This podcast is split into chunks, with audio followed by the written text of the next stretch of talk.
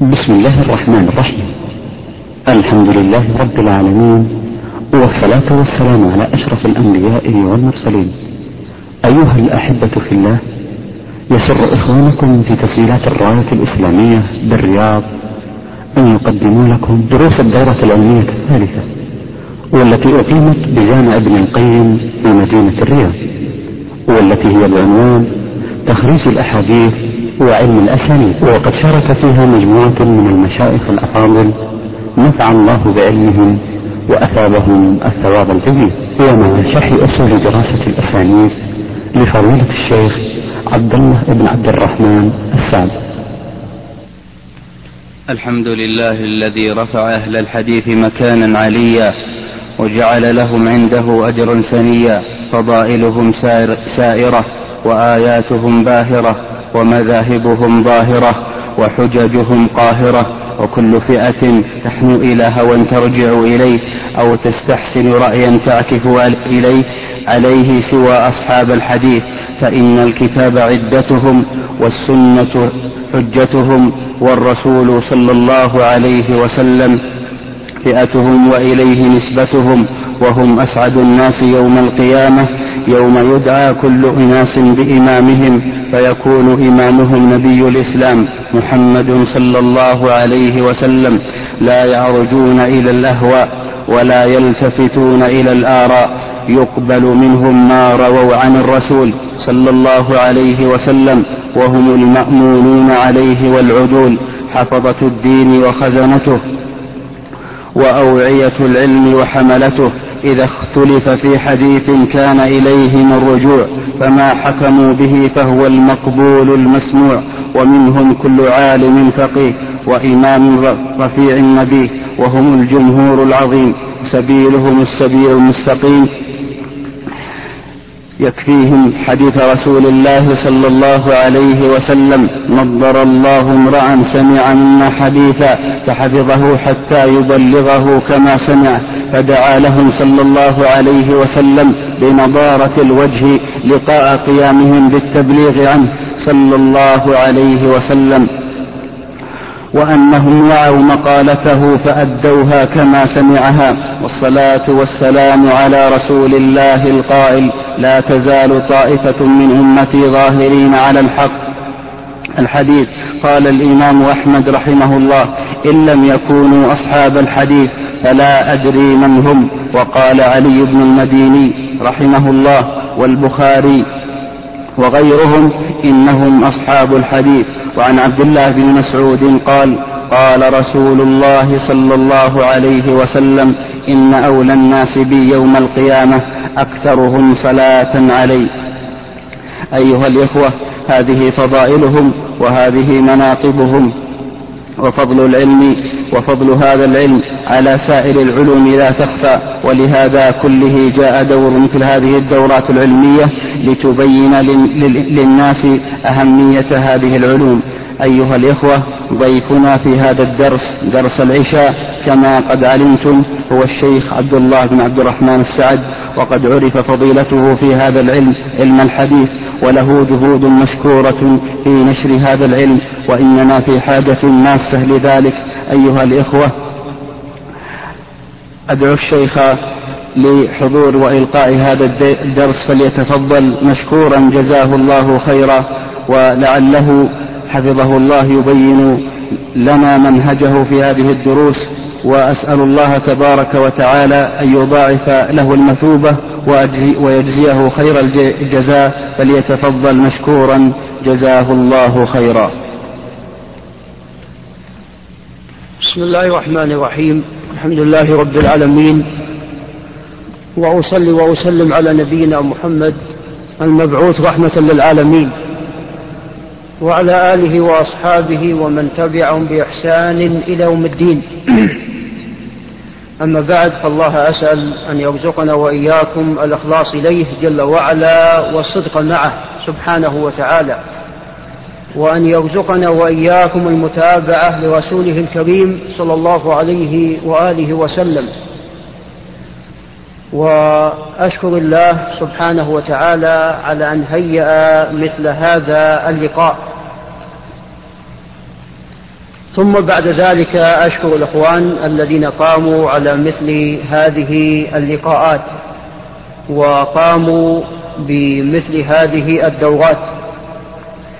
ولا يخفى فضل مثل هذه الاجتماعات التي تكون على كتاب الله جل وعلا وعلى سنة رسوله صلى الله عليه وآله وسلم. وتعرفون يا أيها الإخوان الحديث المشهور الذي خرجه الإمام مسلم في صحيحه من حديث الأعمش عن أبي صالح عن أبي هريرة رضي الله تعالى عنه أنه سمع الرسول صلى الله عليه وسلم يقول ما اجتمع قوم في بيت من بيوت الله. وفي رواية أخرى في صحيح مسلم من حديث أبي إسحاق السبيعي عن الأغر عن أبي هريرة رضي الله تعالى عنه قال ما اجتمع قوم يتلون كتاب الله بدون أن يقيد هذا في بيت من بيوت الله. والرواية الأولى التي فيها تقييد ذلك في بيت من بيوت الله ليس لها مفهوم مخالفة وإنما المقصود هو الاجتماع على كتاب الله وعلى سنة رسوله صلى الله عليه وسلم وأن هذا إذا حصل حصلت هذه الفضائل التي جاءت في هذا الحديث. ما اجتمع قوم يتلون كتاب الله ويتدارسونه فيما بينهم إلا حفتهم الملائكة وغشيتهم الرحمة ونزلت عليهم السكينة وذكرهم الله في من عنده. هذه الفضائل يا أيها الإخوان لا شك أنها فضائل عظيمة. والمحروم في الحقيقة من حرم نفسه هذا الخير. فما من واحد منا إلا وهو يريد أن تحفه الملائكة. والملائكة إنما تضع أجنحتها لطلبة العلم رضا بما يصنعون. كما جاء هذا عند الإمام أحمد في مسنده والطبراني في معجمة الكبير من حديث عاصم عن زر بن حبيش عن صفوان بن عسال رضي الله تعالى عنه أن الرسول عليه الصلاة والسلام قال إن الملائكة لتضع أجنحتها لطالب العلم رضا بما يصنع. فما جاء في هذا الحديث حديث صفوان بن عسال يؤيد ويبين ما جاء في حديث أبي هريرة. فقال حفتهم الملائكة وغشيتهم الرحمة. ولا شك أن الرحمة شيء عظيم وما من واحد منا إلا وهو يريد أن يحصل على رحمة الله جل وعلا.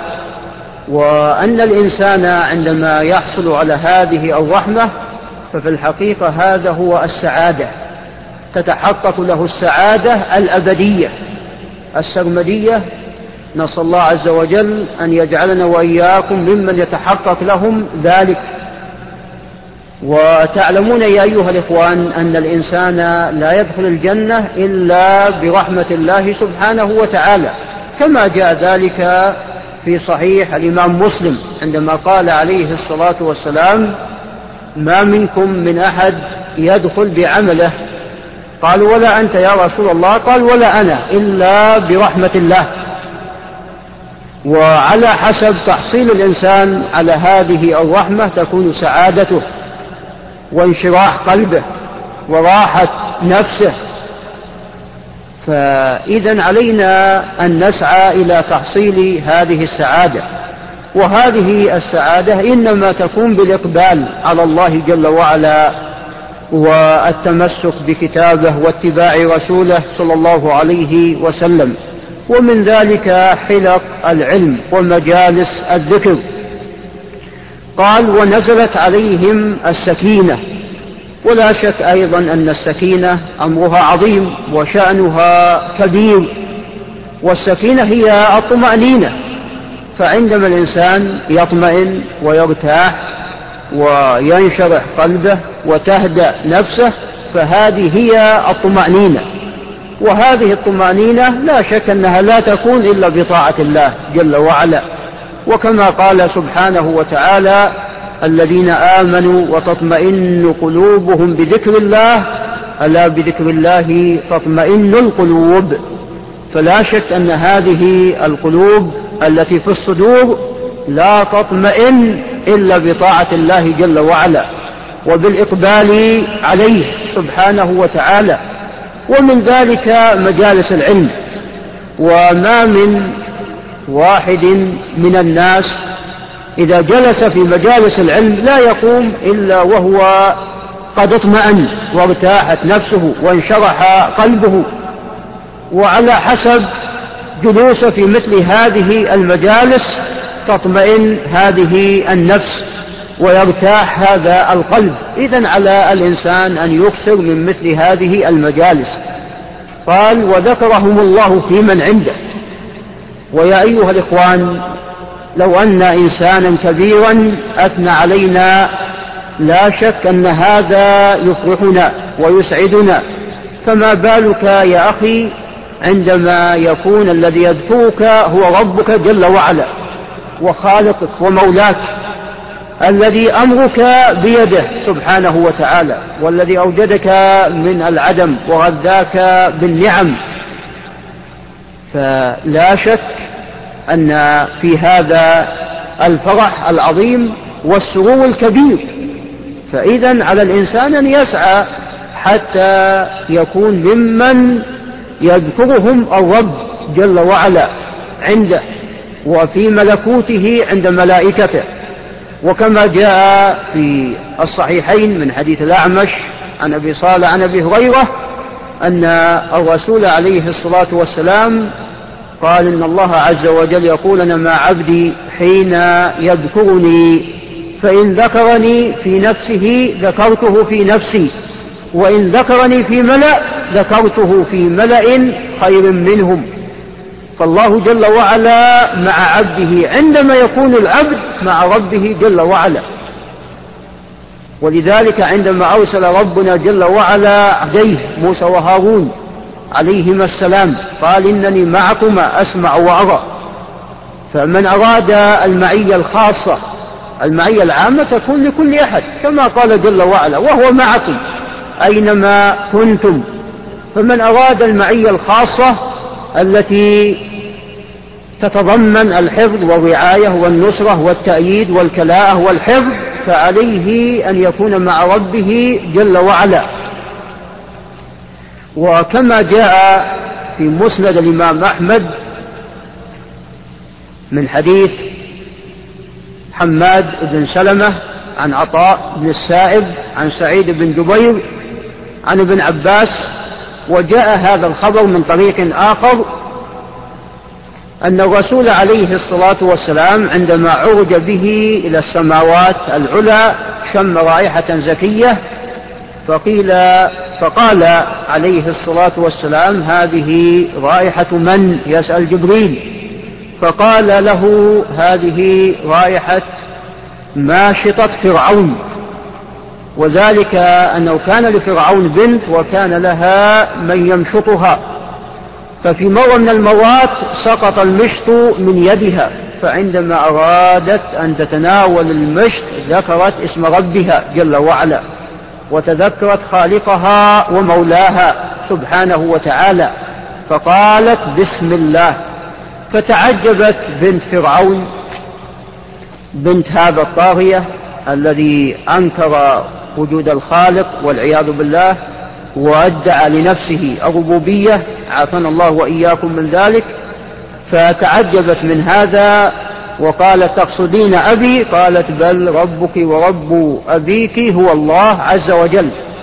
فعندما قالت لها سوف أخبر أبي؟ قالت أخبريه لم تخش من فرعون لأنها مع الله جل وعلا ومن كان مع الله فإن الله عز وجل لن يضيعه فأمر فرعون والعياذ بالله بنحاس مذاب وأن تلقى هي مع أولادها في هذا النحاس المذاب. فقالت لي إليك حاجة وهو أو وهي أن تجمع عظامي وعظام أولادي في مكان واحد. فتقدمت إلى هذا الشيء الذي فيه ما فيه. ولم تخشى من فرعون.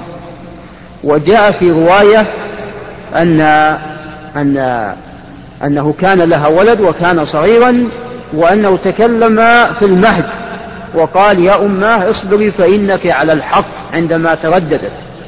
وجاء أيضا مثل هذا في حديث حماد بن سلمة عن ثابت البناني عن عبد الرحمن بن أبي ليلى عن صهيب الرومي في قصة أصحاب الأخدود وهي في صحيح مسلم كما هو معلوم.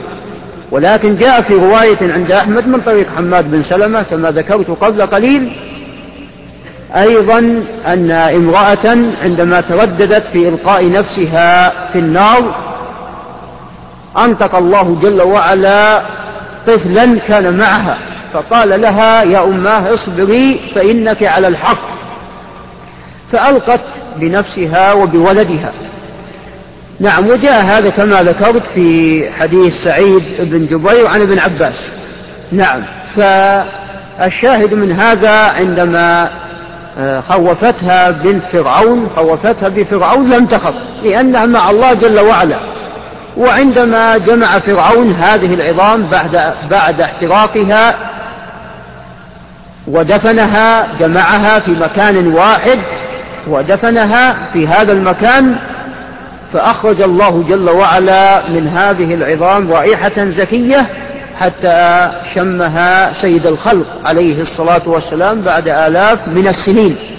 فلا شك أن من كان مع الله جل وعلا فليبشر فلا شك أن الله جل وعلا سوف يؤيده وينصره ويحفظه ويوفقه ويسدده. ولا شك أن هذا هو الذي يحتاج إليه العبد. نعم وكما جاء في الصحيحين من حديث إسحاق بن عبد الله بن أبي طلحة عن أبي مرة عن أبي واقد الليثي رضي الله تعالى عنه أن الرسول عليه الصلاة والسلام عندما كان يحدث أصحابه جاء ثلاثة نفر. فأما أحدهم فوجد فرجة في الحلقة فزاحم حتى جاء إلى هذه الفرجة. وأما الثاني فاستحى وجلس من بعد الحلقة وأما الثالث فذهب وأعرض كأن الأمر لا يعنيه. مثل ما يعرض كثير من الناس لا حول ولا قوة إلا بالله. فبعد أن انتهى الرسول صلى الله عليه وسلم من مجلسه هذا قال عفوا قال للصحابة هل أحدثكم عن قصة الثلاثة النفر؟ قال الصحابة بلى يا رسول الله قال أما الذي زاحم حتى جاء إلى فردة في الحلقة فهذا آوى إلى الله فآواه الله إليه. ربنا جل وعلا آواه إليه لأن هذا الإنسان أقبل على ما عند الله جل وعلا فأقبل الله جل وعلا عليه. وقال أما الذي جلس من بعد الحلقة فهذا استحى من الله فاستحى الله منه. وأما الذي ذهب وأعرض فهذا أعرض عما عند الله فأعرض الله عنه والعياذ بالله. عافانا الله وإياكم من ذلك. فإذا علينا أن نأتي إلى مجالس العلم وحلق الذكر. ولا شك أن الإنسان مطلوب منه أن يتعلم. ولا يمكن أن يدخل الجنة إلا بالعلم. كما قال جل وعلا فاعلم أنه لا إله إلا الله. واستغفر لذنبك. فهذه الشهادة التي هي على أعظم مشهود وهو الشهادة لله جل وعلا بالوحدانية سبحانه وتعالى لا تكون إلا بالعلم. والعبادات التي تتفوع عن هذه الشهادة لا تكون أيضا إلا بالعلم. ولذلك جاء في صحيح البخاري من حديث أبي قلابة عن مالك بن الحويرث رضي الله تعالى عنه أن الرسول عليه الصلاة والسلام قال صلوا كما رأيتموني أصلي ولا شك أن هذا يحتاج إلى علم حتى أن الإنسان يصلي كما يصلي الرسول عليه الصلاة والسلام. وأيضا كما جاء في الصحيحين في حديث عطاء عن حمران عن عثمان بن عفان رضي الله تعالى عنه أن الرسول عليه الصلاة والسلام قال من توضأ نحو وضوء هذا ثم صلى ركعتين لا يحدث فيهما نفسه إلا غفر الله له ما تقدم من ذنبه. فالإنسان لا يستطيع أن يصل أن يتوضأ كما توضأ الرسول صلى الله عليه وسلم إلا بعد أن يتعلم. وهكذا في باقي العبادات وباقي الواجبات والطاعات. فلا بد من العلم. ولا يخفى عليكم يا أيها الإخوان ما أصيبت به الأمة اليوم من ضعف ومن مهانة ومن تفوق. وهذا له أسباب ولا شك أن على رأس هذه الأسباب هو الجهل بدين الله سبحانه وتعالى وبشرعه. فحصل لهم ما حصل وجرى لهم ما جرى وهذا كله بسبب الابتعاد عن العلم. ومن ذلك فيما يتعلق بأساس العلم وأساس الدين. ورأس الأمور وأصل الأصول ألا وهو شهادة أن لا إله إلا الله. فكم من شخص ينقض هذه الشهادة ويخالفها باعتقاده وبقوله وبعمله. ولا شك أنكم تعرفون من هذا الشيء الكثير والصور العديدة التي تقع من الناس ويخالفون بها وينقضون بها هذه الشهادة. وأضرب مثال مثال ما جرى عليه إلا وقت قليل وهو ما حصل من الغلو بعد وفاة الشيخ عبد العزيز بن باز رحمة الله عليه ورفع درجته في الجنة وأعلى مقامه فأقول كثير من الناس أو عفوا بعض الناس قد غلا بالشيخ رحمة الله عليه بعد وفاته وأطلق لنفسه العنان ولعواطفه فأخذ يتكلم بكلام هو في الحقيقة غلو ومن ذلك ما بلغنا أن بعض الناس قال أن الشيخ لو كان يعلم بأن الموت غد لما استطاع أن يزيد في العمل لا شك أن هذا ليس بصحيح وهذا من باب الغلو. وما الذي يدريه الإنسان عن هذا الشيء؟ والله جل وعلا يقول على لسان رسوله الكريم عليه الصلاة والسلام قل لو كنت أعلم الغيب لاستكثرت من الخير وما مسني السوء. فهذا هو كلام الرسول صلى الله عليه وسلم. إذا ما بالك بمن دونه؟ وأيضا أنا رأيت الإعلان عن شريط وفيه أو أن هذا الشريط سمي بإمام الأئمة أو سيرة إمام الأئمة أو نحوها العبارة. المم فيها إمام الأئمة والمقصود بذلك الشيخ عبد العزيز رحمة الله عليه. وهذا خطأ. ولا شك أن إمام الأئمة من بني آدم هو الرسول صلى الله عليه وسلم. الذي قال كما جاء في صحيح مسلم أن سيد ولد آدم فكيف الإنسان يطلق مثل هذا اللقب؟ على غير الرسول صلى الله عليه وسلم. فهذا من الغلو. وكذلك أيضا بلغني أن بعض الناس عندما أراد أن يعبر عن مشاعره وعن حزنه قال يعني أن الحزن انتشر وعم قال والهواء يبكي. وما الذي يدريه الإنسان أن الهواء يبكي؟ ما الذي يدريه أن الإنسان أن الهواء يبكي؟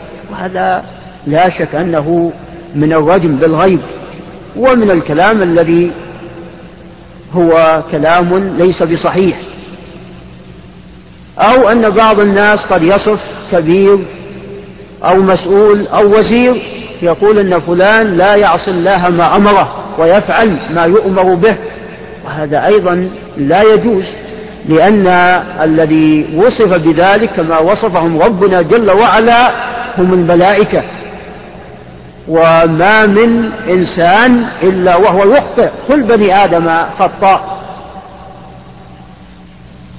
فما من إنسان إلا وهو يخطئ. فكيف يوصف الإنسان بأنه مثل الملائكة؟ لا يعصي الله ما أمره ويفعل ما يؤمر به. فهذا من جملة الغلو. إلى غير ذلك مما هو منتشر بين الناس. فأقول يا أيها الإخوان لابد في الحقيقة من العلم وبالذات هو فيما يتعلق بأصل الأصول وأوجب الواجبات وهو فيما يتعلق بتوحيد الله سبحانه وتعالى. إذا لا بد من نشر العلم وتبليغ هذا العلم. وتعلمون يا أيها الإخوان أن تبليغ العلم لا شك أنه واجب. فيجب على الإنسان أن يبلغ. وكما قال جل وعلا وسألهم عن القرية التي كانت حاضرة البحر إذ يعدون في السبت إذ تأتيهم حيتان يوم سبتهم شرعا ويوم لا يسبتون لا تأتيهم كذلك نبلوهم بما كانوا يفسقون. وإذ قالت أمة منهم لم تعظون قوما الله مهلكهم أو معذبهم عذابا شديدا؟ قالوا معذرة إلى ربكم ولعلهم يتقون. فلما نسوا ما ذكروا به أنجينا الذين كانوا ينهون عن السوء. الذين كانوا يبلغون هم الذين أنجاهم ربنا جل وعلا وأخذنا الذين ظلموا بعذاب بئيس. فإذا لا بد من التبليغ حتى ينجو الإنسان من عذاب الله. وكما قال جل وعلا والعصر إن الإنسان لفي خسر إلا الذين آمنوا وعملوا الصالحات. ولم يكتفي ربنا جل وعلا بذلك بل قال وتواصوا بالحق وتواصوا بالصبر. والشاهد من هذا هو التواصي بالحق. فلا بد من التواصي بالحق. وفي هذا هو أنه لا بد على الإنسان أن يبلغ. وتعلمون الحديث المشهور الذي خرجه الإمام مسلم في صحيحه وبقية أصحاب السنن. كلهم من حديث طارق بن شهاب عن أبي سعيد الخدري رضي الله تعالى عنه أن الرسول عليه الصلاة والسلام قال من رأى منكم منكرا فليغيره بيده فإن لم يستطع فبلسانه فإن لم يستطع فبقلبه وذلك أضعف الإيمان. فالمرتبة الرابعة عندما الإنسان لا يبلغ ف ولا ينكر حتى ولا بقلبه. فإذا ليس وراء ذلك حبة خردل من إيمان كما جاء في حديث عبد الله بن مسعود رضي الله عنه الذي خرجه الإمام مسلم في صحيحه. فإذا التبليغ لا بد منه وقد جاءت النصوص الكثيرة في فضل تبليغ دين الله جل وعلا.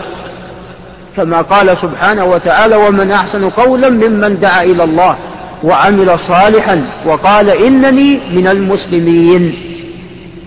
فليس هناك أحد أحسن قولا من هذا الذي دعا إلى الله وعمل صالحا وهو من المسلمين. وكما جاء في مسند الإمام أحمد من حديث عطاء بن السائب عن عبد الرحمن بن الحضرمي عن رجل من الصحابة أن الرسول عليه الصلاة والسلام قال أن أناسا من أمتي يعطون مثل أجور أولهم. قيل من هم يا رسول الله؟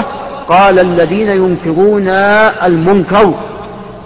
فالذين ينكرون المنكر ويبلغون رسالات الله هؤلاء يعطون مثل أجور أول هذه الأمة أي مثل أجور الصحابة رضي الله تعالى عنهم. إذا يا أيها الإخوان لا بد أيضا علينا أن نبلغ. وبالذات في هذا الوقت الذي كثرت فيه الفتن وانتشرت فيه الشرور وهذا مستاق لما جاء عن المعصوم عليه الصلاة والسلام من كثرة الفتن التي تكون في آخر هذه الأمة كما جاء في في صحيح الإمام مسلم من حديث عبد الرحمن بن عبد رب الكعبة عن عبد الله بن عمرو بن العاص رضي الله تعالى عنهما. قال كنا مع الرسول عليه الصلاة والسلام في سفرة سافرناها فنزلنا منزلا فنودي بالصلاة جامعة فأتينا فإذا الرسول عليه الصلاة والسلام يقول ما من نبي بعثه الله في أمة قبلي إلا كان حقا عليه أن يدل أمته على خير ما يعلمه لهم. ويحذرهم من شر ما يعلمه لهم. وإن أمتكم هذه سوف يصيب آخرها بلاء وإن أمتكم هذه جعل عافيتها في أولها. جعل عافيتها في أولها وسوف يصيب آخرها بلاء وأمور تنكرونها. الحديث. لا شك أن هذا مصداق لما أخبر عنه الرسول صلى الله عليه وسلم من تتابع الفتن وانتشار هذه الفتن. ولا شك أن العاصم من هذا هو التمسك بالكتاب والسنة. فهذا لا شك الذي تكفل ربنا جل وعلا لمن تمسك بهما أنه يكون على الطريق المستقيم وأنه يكون على الخط الذي يوصل إلى مرضاة الله سبحانه وتعالى. وكما قال جل وعلا وأن هذا صراطي مستقيما فاتبعوه ولا تتبعوا السبل فتفوق بكم عن سبيله. وكما قال جل وعلا لرسوله عليه الصلاة والسلام فاستقم كما أمرت ومن تاب معك. فحتى الرسول عليه الصلاة والسلام أمره ربنا جل وعلا أن يستقيم كما أمره الله. فلا يكون الإنسان مستقيما إلا إذا استقام كما أراد الله جل وعلا منه ولا يكون ذلك إلا بالاعتصام بالكتاب والسنة. وكما جاء في الحديث المشهور الذي رواه الإمام أحمد من حديث أيضا آه، أبي وائل عن عبد الله بن مسعود رضي الله تعالى عنه أن الرسول عليه الصلاة والسلام خط خطا مستقيما. وخط عن يمين هذا الخط ويساره خطوط أخرى. ثم قال عن الخط المستقيم هذا صراط الله. وقال عن الخطوط التي عن يمينه وشماله قال هذه سبل وعلى كل سبيل شيطان يدعو إليها. ثم تلا ما جاء في قوله عز وجل وأن هذا صراطي مستقيما فاتبعوه ولا تتبعوا السبل فتفوق بكم عن سبيله. والاعتصام بالكتاب والسنة يا أيها الإخوان ما من إنسان إلا وهو يدعي بهذه الدعوة إذا كان ممن ينتسب إلى القبلة. فلا بد من تحقيق ذلك ولا بد من الاتصاب بذلك وأن المسألة ليست مجرد دعوة ولا يكون الإنسان كذلك إلا بأن يأخذ عقيدته. وكل ما كلفه الله جل وعلا به من كتاب الله ومن سنة رسوله صلى الله عليه وسلم. كل قضية لابد. إذا أردت أن تعتقدها فاعرف أدلتها من الكتاب والسنة. حتى تكون حقيقة متمسك بما جاء في الكتاب والسنة. نعم. ولا شك يا أيها الإخوان أن كتاب الله جل وعلا هو الأساس والأصل. وأن سنة رسول الله صلى الله عليه وسلم هي التي تكمل هذا الأصل وتبين هذا الأصل وتفسر هذا الأصل. كما قال جل وعلا وأنزلنا إليك الذكرى لتبين للناس ما نزل إليهم. فوظيفة الرسول عليه الصلاة والسلام أن يبين ما جاء في كتاب الله جل وعلا. وأن يدل الناس على ما أمرهم ربنا جل وعلا به وأن يبين لهم كيفية الوصول إلى مرضاة الله عز وجل. إذا آه، لا بد من الرجوع إلى هذين الأصلين. وفيما يتعلق بهذه الدورة كما تعلمون أنها تتعلق بالأصل الثاني ألا وهو السنة النبوية. وأن هذه الدورة قد تنوعت وتعددت فيما يتعلق بالمناحي وفيما يتعلق أيضا بالأشياء التي تتعلق بهذه السنة النبوية. فهناك آه، دروس أو محاضرات فيما يتعلق بالسنة وهناك دروس ومحاضرات فيما يتعلق بكتب السنة وهناك دروس ومحاضرات فيما يتعلق بتخريج الحديث وما شابه ذلك. وفيما يتعلق بدرس هذا هو كما تعلمون فيما يتعلق بدراسة آه، أصول الأسانيد أو بدراسة الأسانيد.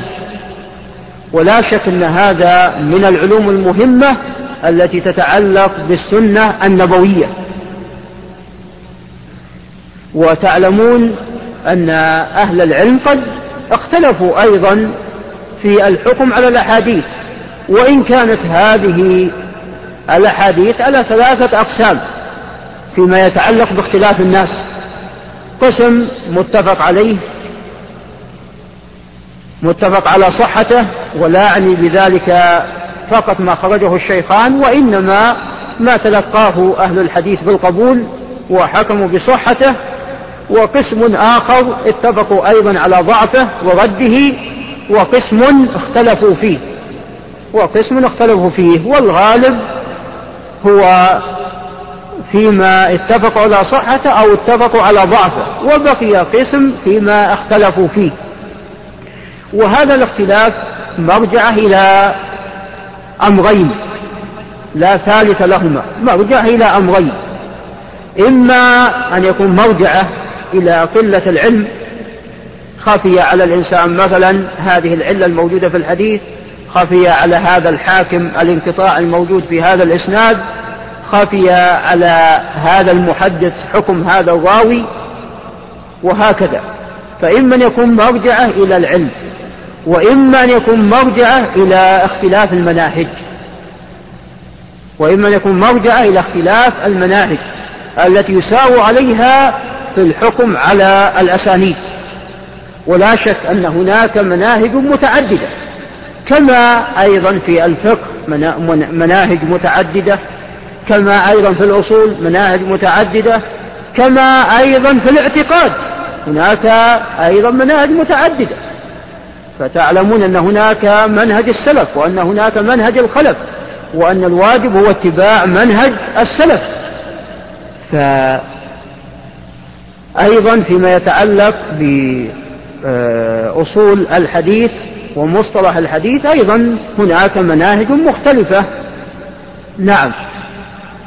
وهو الذي يعبر عنه مثلا بمنهج المتقدمين أو منهج المتأخرين أو طريقة من تقدم أو طريقة من تأخر.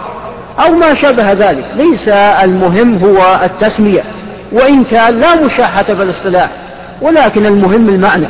هذا هو المهم. التسمية ليست هي المهمة ولكن المهم المعنى والمقصود. هذا هو المهم. وقد نبه كثير من أهل العلم على هذه القضية وعلى هذه المسألة. نبهوا على هذه القضية وعلى هذه المسألة. نعم وليس هذا خاصا بفلان أو فلان. نعم. فإذا لابد من معرفة هذه المناهج حتى أن الإنسان يسلك المنهج الصحيح. نعم. وهذا يحتاج إلى أمرين. الأمر الأول هو فيما يتعلق بالناحية النظرية. التي تتعلق بدراسة علم الحديث والحكم على الأسانيد. والأمر الثاني فيما يتعلق بالناحية العملية التي تتعلق أيضا بهذا الأمر وهذا الشيء. أما ما يتعلق بالناحية النظرية فكلام أهل العلم فيما يتعلق بمصطلح الحديث ودراسة الأسانيد هذا ممكن أن ينقسم إلى قسمين. القسم الأول فيما يتعلق بالكتب المؤلفة التي ألفت فيما يتعلق بشرح هذه القضية وبيان هذه المسألة. نعم وهي الكتب التي تسمى بمصطلح الحديث وهذه الكتب كثيرة كما هو معلوم. نعم والقسم الثاني هو الكلام المتناثر الذي يوجد في بطون الكتب وفي ثنايا الرسائل. فهذا الكلام المنتشر أيضا أحيانا قد تجد لأهل العلم كلاما فيما يتعلق بهذه القضايا قد لا يوجد في كتب المصطلح. نعم فأقول فيما يتعلق بالأمر الأول وهو ما يتعلق بكتب المصطلح لا شك أن المؤلفات في مصطلح الحديث كثيرة وأنها عديدة وهذه المؤلفات مفيدة وإذا أمكن الإنسان أن يمر عليها كلها فهذا جيد ولكن من الصعوبة بمكان أن يمر الإنسان على جميع هذه المؤلفات. مثل الفقه يصعب الإنسان أن يمر على جميع كتب الفقه أو في الأصول مثلا أصول الفقه يصعب على الإنسان أن يمر على جميع أصول الفقه وهكذا. كذلك أيضا في علم المصطلح. وأيضا أحيانا بل يعني هو الغالب أن الإنسان الأولى به أن لا يمر على هذه الكتب لأن ليس في إمكانه وأن هناك أشياء أهم كما تقدم فيما يتعلق بأمور الاعتقاد وفيما يتعلق بفقه العبادات التي أنت مكلف بها وهي فرض وهي فرض عين عليك. فلا شك أن هذا قبل لا شك أن هذا قبل ما يتعلق بهذه المسألة. فأقول لا شك أن كتب المصطلح كثيرة ومن الصعوبة بمكان أن الإنسان يمر عليها ولا شك أن بعضها يغني عن البعض الآخر. فأذكر بعض الكتب التي تغني عن كثير من الكتب التي ألفت في ذلك. فمن هذه الكتب كتاب الكفاية لأبي بكر الخطيب رحمة الله عليه وكتاب أيضا شرح العلل الصغير للترمذي طبعا العلل الصغير للترمذي وهذا الشرح لابن رجب. نعم. فأعني بذلك شرح ابن رجب على العلل الصغير للترمذي والنكت لابن حجر على ابن الصلاح وأيضا كتاب آه، الاقتراح لابن دقيق العيد وكتاب الموقظة وأيضا آه، كتاب نتائج الفكر لابن حجر رحمة الله على الجميع. فهذه الكتب تغني عن باقي الكتب أو تغني عن أكثر ما في هذه الكتب. تغني عن أكثر ما في هذه الكتب وهذه الكتب قيمة ومفيدة ولو بدأ الإنسان بكتاب نخبة الفكر ثم سن بالموقظة ثم سلس بالاقتراح ثم انتقل إلى آه، النكت وشرح ابن رجب على العلل والكفاية.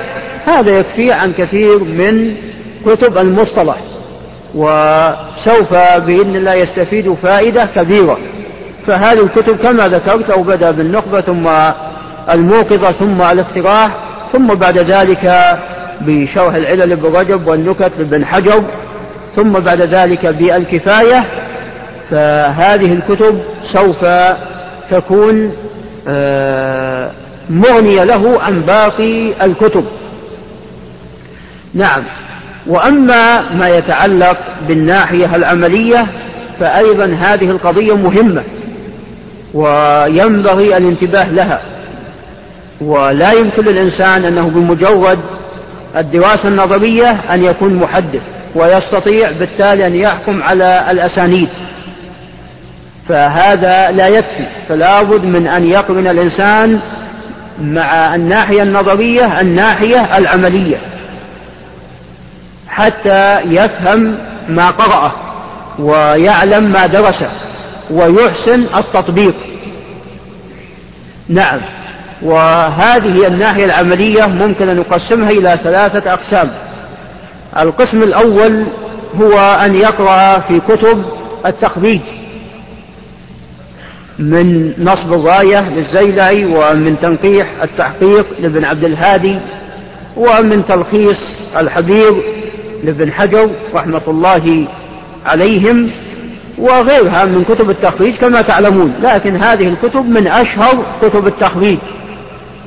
فينبغي له أن يكسر النظر في هذه الكتب حتى يعرف كيف تجمع طرق الحديث ثم بعد ذلك كيف يحكم عليها ويعرف آه، الصحيح من السقيم والمحفوظ من الشاذ ويعرف آه، آه، الثقة من الضعيف وهكذا. فينبغي له أن يكثر من القراءة في مثل هذه الكتب. ثم الدرجة الثانية يأتي إلى الكتب التي هي قد تكون أدق من هذه الكتب وتحتاج إلى فهم أكبر. يعني مثلا كتاب العلل عفوا مثلا كتاب آه، جامع الترمذي ومثل كتاب كذلك أيضا آه، النسائي. يعني مثلا كتاب العلل عفوا مثلا كتاب آه، جامع الترمذي ومثل كتاب كذلك أيضا آه، النسائي. فهذه الكتب فيها أحكام كثيرة على الأحاديث وبيان الاختلاف الذي وقع في الأسانيد وبيان الصحيح من الضعيف. ثم بعد ذلك المرحلة الثالثة وهو أن يفهم منهج البخاري ومسلم في صحيحيهما وكذلك أيضا يصل إلى أن يفهم ما في كتب العلل من العلل لابن أبي حاتم أو العلل للدار قطني وأمثال هذه الكتب. فهذه المرحلة الثالثة هذه المرحلة الثالثة. فالناحية العملية أذكر بها مرة أخرى أنها مهمة ولا بد من الاكثار من هذه من هذا القسم. نعم وهذا كما ذكرت على الدرجات الثلاث التي ذكرتها قبل قليل. نعم وعندما يقرأ في هذه الكتب كما أشرت ينبغي له أن يعرف مناهج هؤلاء العلماء. وكما ذكرت قبل قليل أن لأهل العلم لهم مناهج. فلا شك أن منهج البخاري غير منهج ابن خزيمة وابن حبان. وبالذات منهج ابن حبان وابن حبان أعرب عن منهجه في أكثر من كتاب الله سواء في مقدمة كتاب التقاسيم والأنواع أو في كتابه المجروحين أو في كتابه الثقات. وطبعا له كتب أخرى لكن كثير من هذه الكتب لم تصلنا فأقول في هذه الكتب وبالذات التقاسيم والأنواع والمجروحين تكلم كثيرا عن منهجه وأيضا في نفس آه، ثنايا كتابه التقاسيم والأنواع وأيضا في نفس كتابه المجروحين. نعم.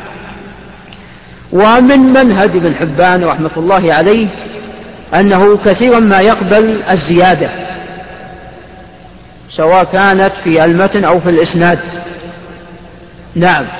وإن كان هو قد نص في مقدمة صحيحة بأنه لا يقبل الزيادة التي تكون في المتن إلا من فقيه ولا يقبل الزيادة التي تكون في الإسناد إلا من حافظ إلا من محدث حافظ. قال لأن رأينا الفقهاء في زماننا لا يحفظون الأسانيد وإنما يحفظون المتون. قال ورأينا أيضا المحدثين في زماننا يحفظون الأسانيد دون المتون. فقال إن كانت الزيادة في المتن تحتاج إلى فقيه وإن كانت في الإسناد تحتاج إلى محدث. هكذا قال رحمه الله تعالى. وهذا طبعا التقسيم لا أعرف أنه سبق إليه. وهذا كما ذكرت قبل قليل أن لأهل العلم لهم مناهج. فلكنه في صحيحة تقريبا لم يعمل آه، بهذا التقسيم. إلا قد يكون في شيء نادر لكن غالبا أنه يقبل الزيادة مطلقا. يقبل الزيادة طبعا إن كانت من شخص عنده مقبول الرواية يعني ثقة ولا صدوق فيقبل زيادته.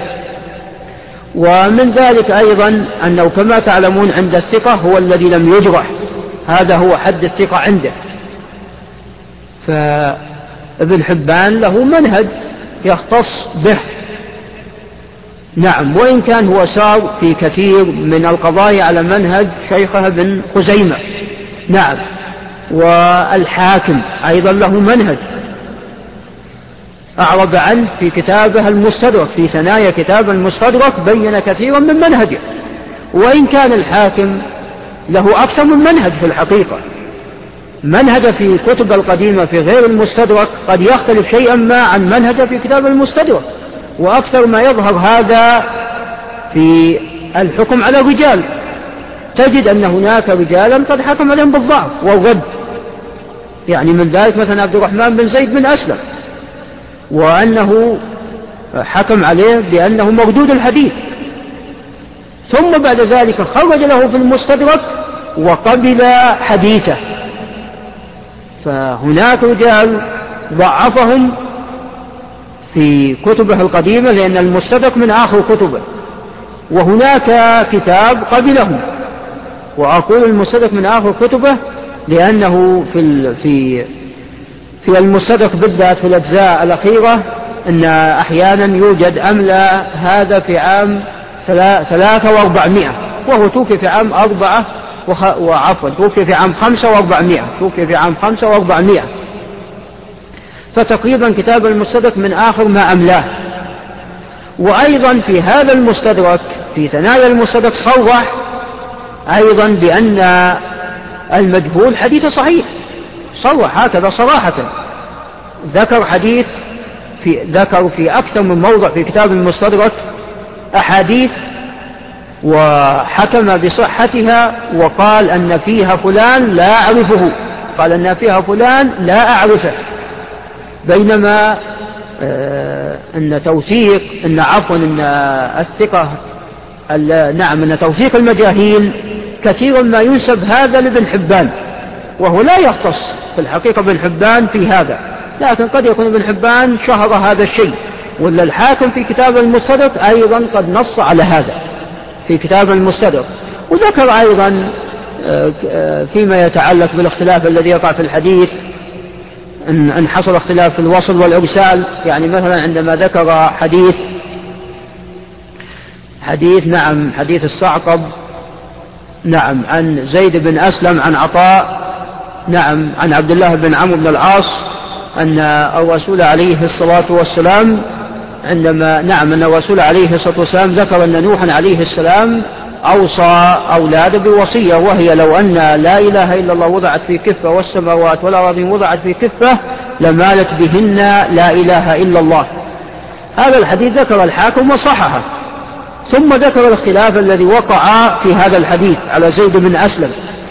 فذكر من طريق ابن عجلان عن زيد بن أسلم أنه ذكره مرسلا. وطبعا رواه الدراوردي أيضا عن زيد بن أسلم عن عبد الله بن عمرو العاص فحذف عطاء من الإسناد وفيه اختلاف آخر أيضا. رواه موسى بن عبيدة الربدي عن زيد بن أسلم عن جابر وموسى متروك موسى بن عبيدة الربدي. نعم الشاهد من هذا أنه لم يعبأ بهذا الاختلاف وقال إن هذا آه، لا يخالف ما أصلناه. وهو أن إذا وصل من هو مقبول من هو ثقة عنده مقبول الرواية أنه يصحح حديثه. فصحح رواية الصعقب والصواب أنها مرسلة لأن ابن عجلان أوثق من الذي رواه عن زيد بن أسلم موصولا والدراوردي أيضا أوثق من الأول وقد حذف عطاء بن يسار من الإسناد. نعم. فالشاهد من هذا بين أيضا ذلك في كتاب المسرف في مرات كثيرة في مرات كثيرة وفي مواطن عديدة. نعم. فالأئمة تجد أن بينهم اختلاف ومن ذلك ما بين الإمام البخاري وما بين الإمام مسلم. فالإمام البخاري يشترط الاتصال في الإسناد عفوا يشترط آه، التصريح بالسماع ولا يكتفي بالمعاصرة. بينما مسلم يكتفي بالمعاصرة مع إمكان اللقية. إذا أمكن اللقاء مع التعاصر إذا كان إذا كان هناك تعاصر بين الراوي ومن روى عنه واللقاء ممكن فعندنا الحديث يعتبر صحيح. ولعل من هذا الباب ما رواه عن بديل عن أبي الجوزة عن عائشة في صفة صلاة الرسول صلى الله عليه وسلم. فالإمام أحمد قال إن أبا الجوزة لم يسمع من عائشة. نعم. فلا شك أن مثل هذا ينبني عليه أشياء كثيرة. مثل هذا ينبني عليه أشياء كثيرة. وإن كان البخاري وإن كان عفوا مسلم يعني منهجه هو مثل منهج البخاري إلا في بعض الأشياء. إلا في بعض الأشياء. وتجد أيضا بين منهج علي بن المديني وبين منهج الإمام أحمد تجد أن هناك شيء من الاختلاف تجد أن هناك شيئا من الاختلاف.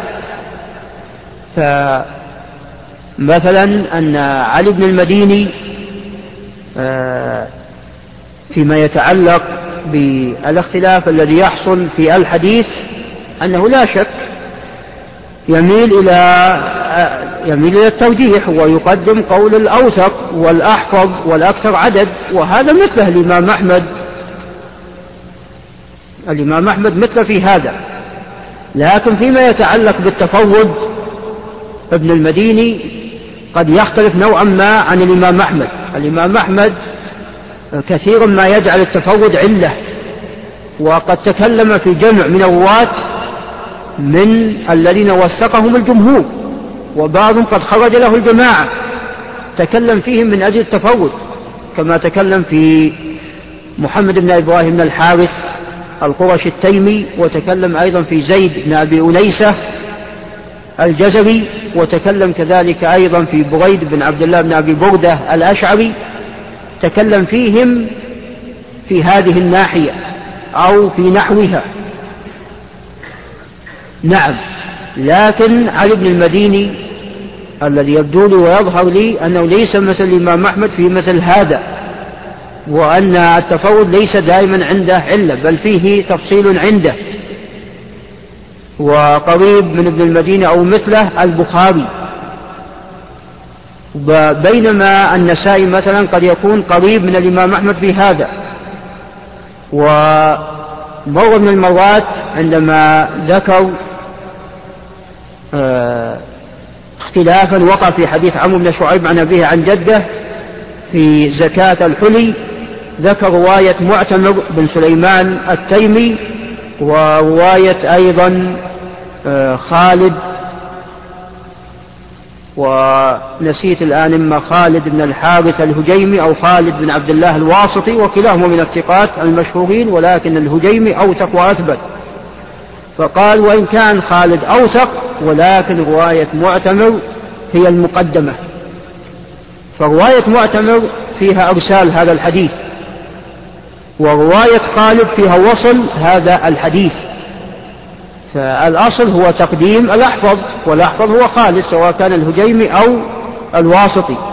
نعم وهنا آه، أيضا زيادة من ثقة ومع ذلك قدم النسائي رواية معتمر بن سليمان بن طرخان التيمي.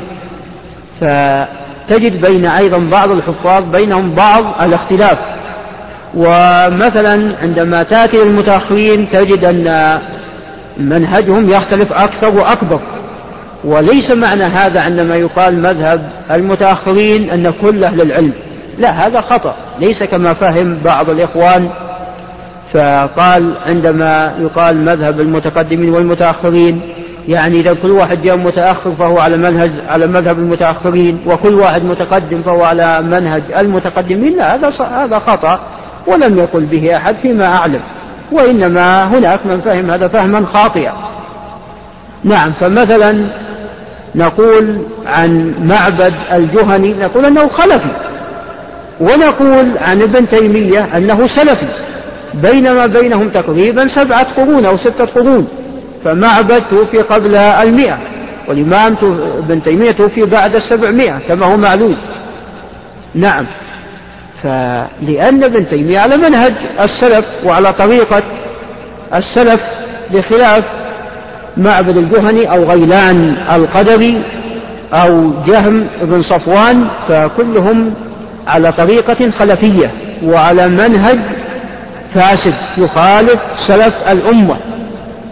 فليس المقصود هو الزمان هو آه، هو الذي يحدد. لا ليس الزمان هو الذي يحدد.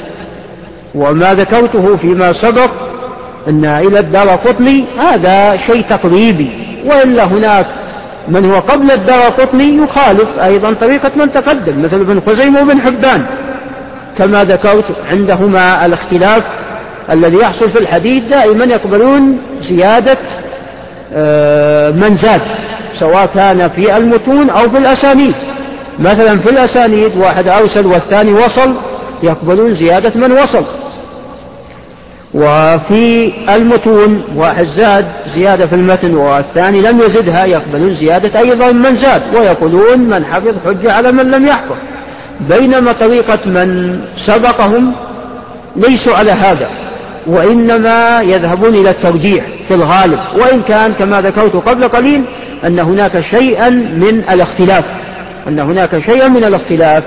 نعم.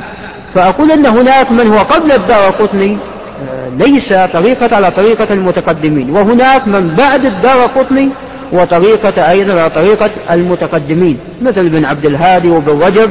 نعم على طريقة المتقدمين. نعم فأقول الخلاصة أنه ينبغي معرفة مناهج الأئمة وسلوك منهج آه، من تقدم من الأئمة من ابن المديني ومن البخاري ومن أمثال هؤلاء الحفاظ والأئمة الكبار. نعم. فأقول إذا ينبغي آه، الانتباه إلى هذا الأمر. إذا عندنا ناحية عملية وعندنا ناحية نظرية. ولا بد من كلتا هاتين الناحيتين. ولعلنا في هذا الدرس بمشيئة الله يكون هناك آه، كلام فيما يتعلق بالقسم النظري ويكون هناك أيضا تطبيق عملي. وفيما يتعلق بالقسم النظري آه، لعلي أنبه على قضايا يكثر فيها الاختلاف. كما ذكرت في مسألة آه، الاختلاف الذي يحصل في الإسناد الوصل والإرسال والوقف والرفع القضايا التي تتعلق بعلم العلل هذه لا شك أنها قضية مهمة أو فيما يتعلق بالتدليس هذه أيضا مسألة أيضا مهمة تتعلق بالحكم على الأحاديث وأيضا فيما يتعلق بالغرابة وما شابه ذلك هذه قضايا وقع فيها اختلاف وأيضا ينبغي الانتباه عندما يقال أن بين أهل العلم اختلاف في المنهج ليس معنى هذا أن في كل قضية هم مختلفين لا. وإنما معنى ذلك أن هناك قضايا فيها اختلاف وهناك قضايا فيها اتفاق.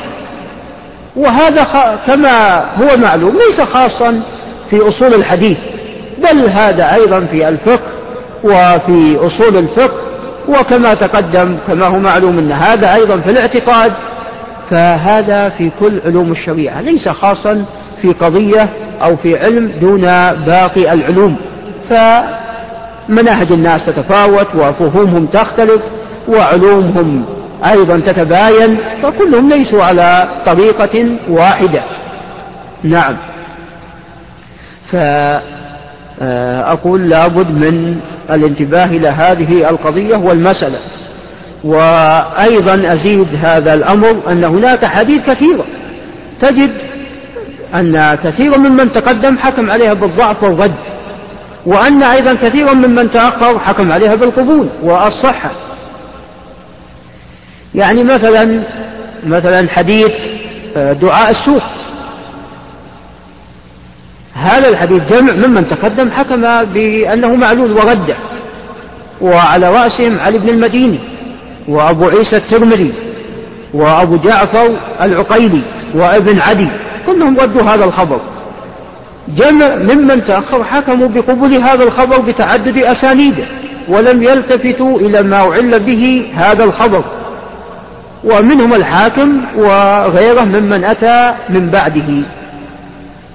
كذلك أيضا آه، مثلا حديث أن طلب العلم فريضة على كل مسلم.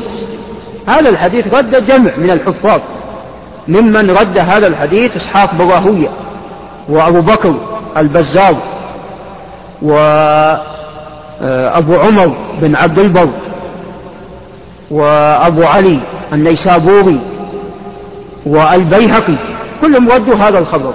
هناك جمع ممن تأخر قبلوا هذا الخبر بل حكموا بصحة هذا الخبر كما ألف آه، الجلال السيوطي رسالة في ذلك. ألف السيوطي رسالة في ذلك في قبول هذا الخبر وفي الحكم بتصحيحه. نعم. والأمثلة في الحقيقة على هذا كثيرة.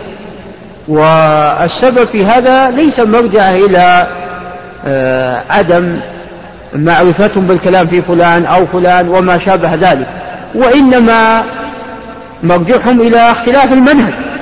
فتجد أن كثيرا أيضا ممن تأخر يتوسع في الحديث الحسن لغيره يتوسع فيه توسعا كبيرا وأن الطرق إذا تعددت حكم على هذا الحديث بالحسن أو قد يحكم عليه بالصحة. بينما من تقدم ليسوا على هذه الطريقة. نعم فهم يقبلون الحديث إذا تعددت أسانيده ولكن هذا بشروط ولا يتوسعون في ذلك. وهم أيضا ليسوا مثل ابن حزم الذي مهما تعدد طرق الحديث عند لا يرتقي إلى درجة الثبوت بما أن كل طريق كل طريق لوحدها هي ضعيفة.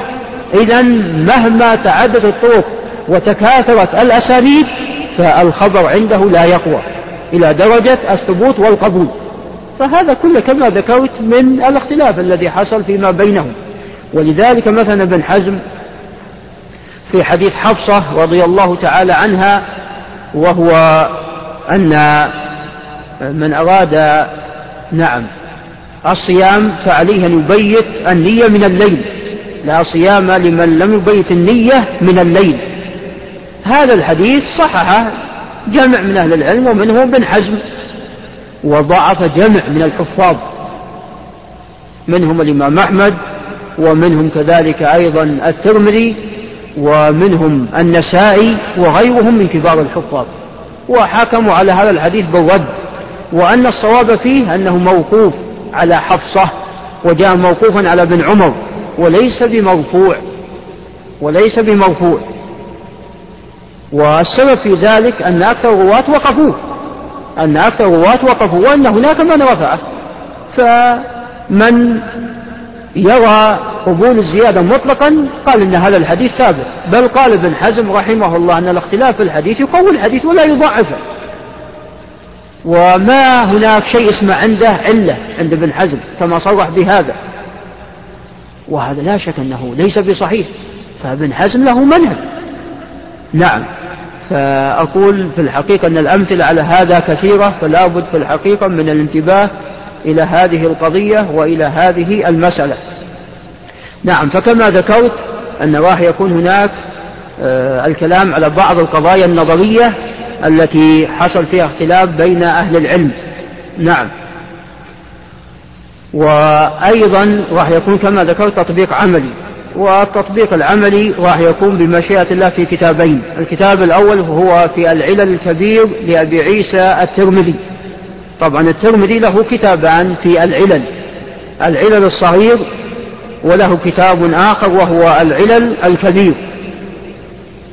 ومن أو بعض من ألف في شرح جامع الترمذي آه، شرح العلل الصغير مثل ابن رجب. ابن رجب له شرح على جامع الترمذي بعشرين مجلد وقد احترق هذا الكتاب ولم يبقى منه إلا شرحه على العلل الصغير. ما بقي إلا آه هذا الشرح على العلل الصغير. وبقي شرح بعض الأحاديث بقي شرح بعض الأحاديث. فأقول أن من بعض من ألف في شرح الترمذي شرح العلل الصغير لأنه ملحق بملحق بالجامع ملحق بجامع الترمذي. وأما العلل الكبير فهو مستقل عن جامع الترمذي. وإن كان كثير من الأحاديث المعللة هي موجودة في جامع الترمذي. نعم ولكنه كتاب مستقل. والعلل الصغير فيه كلام فيما يتعلق بالمصطلح والحكم على الرجال وكذلك أيضا فيه الحكم على أو الكلام على بعض القضايا التي تتعلق بعلم المصطلح من الغرابة وما شابه ذلك والحديث الحسن فتكلم على هذه القضايا. وأما العلل الكبير فهو على قسمين. القسم الأول في أحاديث قد عللها أبو عيسى الترمذي ونقل في تعليل هذه الأحاديث بعض الكلام من البخاري وكثيرا ما ينقل كما هو معلوم عن البخاري كثيرا ما ينقل الترمذي عن البخاري سواء كان ذلك في كتاب الجامع أو في كتاب العلل الكبير. نعم. ونقل أيضا كلام للدارمي وأحيانا كلام لأبي زرعة فينقل في كتابه كلام بعض الحفاظ وبالذات أبو وبالذات أبو عبد الله البخاري محمد بن إسماعيل. والقسم الثاني من كتاب العلل الكبير هو في الحكم على الرواة وفي فلان سمع من فلان أو لم يسمع. وفي بعض القضايا التي تتعلق بالتدليس فلان مكل من التدليس وما شابه ذلك وهذه في نهاية أبواب الكتاب. هذه في نهاية أبواب الكتاب. فالكتاب في الحقيقة منقسم إلى هذين القسمين. وكتاب العلل الكبير قد طبع طبعتين فيما أعلم. الطبعة الأولى هي التي طبع فيها الكتاب بمجلدين وقام بتحقيق حمزة ديب مصطفى. نعم. والطبعة الثانية طبع هذا الكتاب بمجلد واحد وقام بتحقيق صبح السمرائي وأبو, المعا وأبو المعاطي النوري ومحمود الصعيدي. نعم. فطبع هذا الكتاب آه هاتين الطبعتين ولكلا الطبعتين ميزة. بالنسبة للطبعة الثانية أحسن من جهة